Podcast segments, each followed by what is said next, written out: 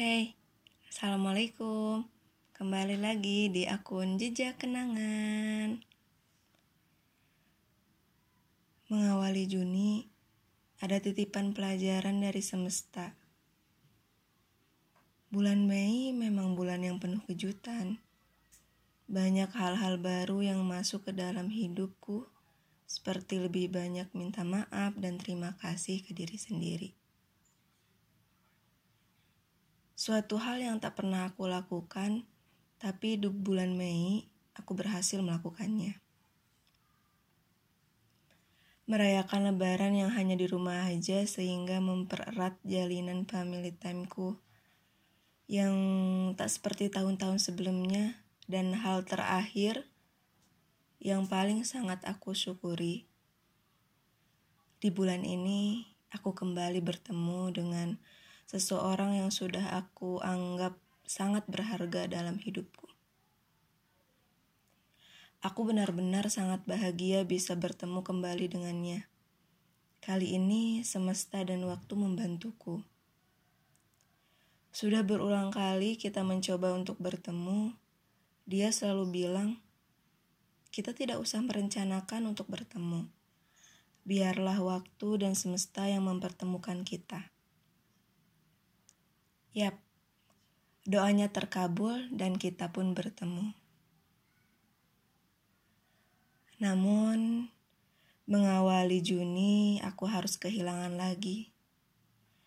Kehilangan sosok yang barusan aku ceritakan, yang sangat ingin aku temui, ternyata kita bertemu. Aku kehilangan dia. Kehilangan sosok yang aku anggap sangat baik, sosok yang tak pernah nyata, tapi pertolongannya sangat nyata.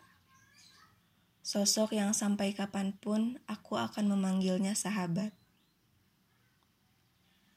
Dia memutuskan untuk pergi, entah kali ini apakah perginya akan lama atau sebentar, aku tak tahu maunya apa.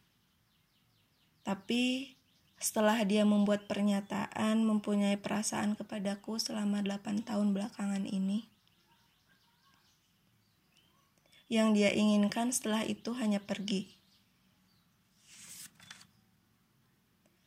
Entah kenapa hanya pergi yang menjadi pilihannya bukan yang lain. Jujur, aku tidak tahu seperti apa rasanya menyukai seseorang selama itu. Jujur, mendengarnya saja aku merinding. Aku kira perasaan selama itu hanya ada di dalam kisah-kisah yang sering aku baca. Ternyata kali ini aku merasakannya. Menjadi objek yang disukai oleh seseorang selama itu. Tapi dari awal aku dekatnya hanya menganggapnya sahabat. Karena aku pikir jika aku menganggapnya sahabat, hubunganku dengannya akan lebih lama.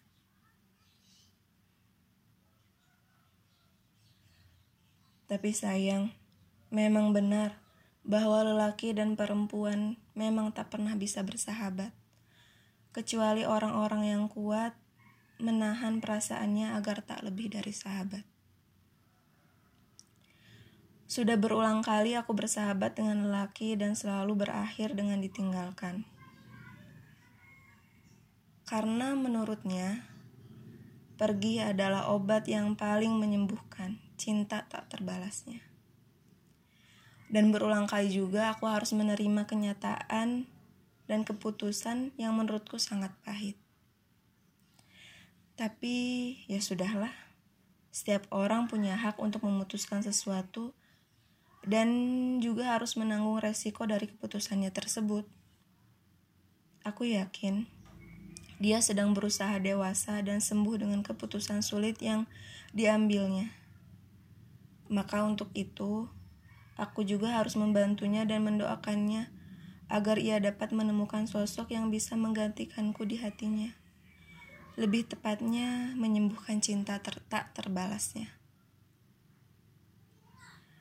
Terima kasih semesta dan waktu telah memberiku kesempatan untuk bertemu dengannya terakhir kali sebelum semuanya berubah dan tak seperti dulu lagi. Semesta, aku titip dia ya. Tolong pertemukan dia dengan seseorang yang aku percaya orang itu akan menyembuhkannya. Semesta, tolong beritahu waktu untuk perlahan mengikis perasaannya kepadaku. Aku tidak kuat mendengar jika ia sudah pergi, tetapi perasaannya tak pernah berubah kepadaku. Hei kamu, semoga segera pulih ya.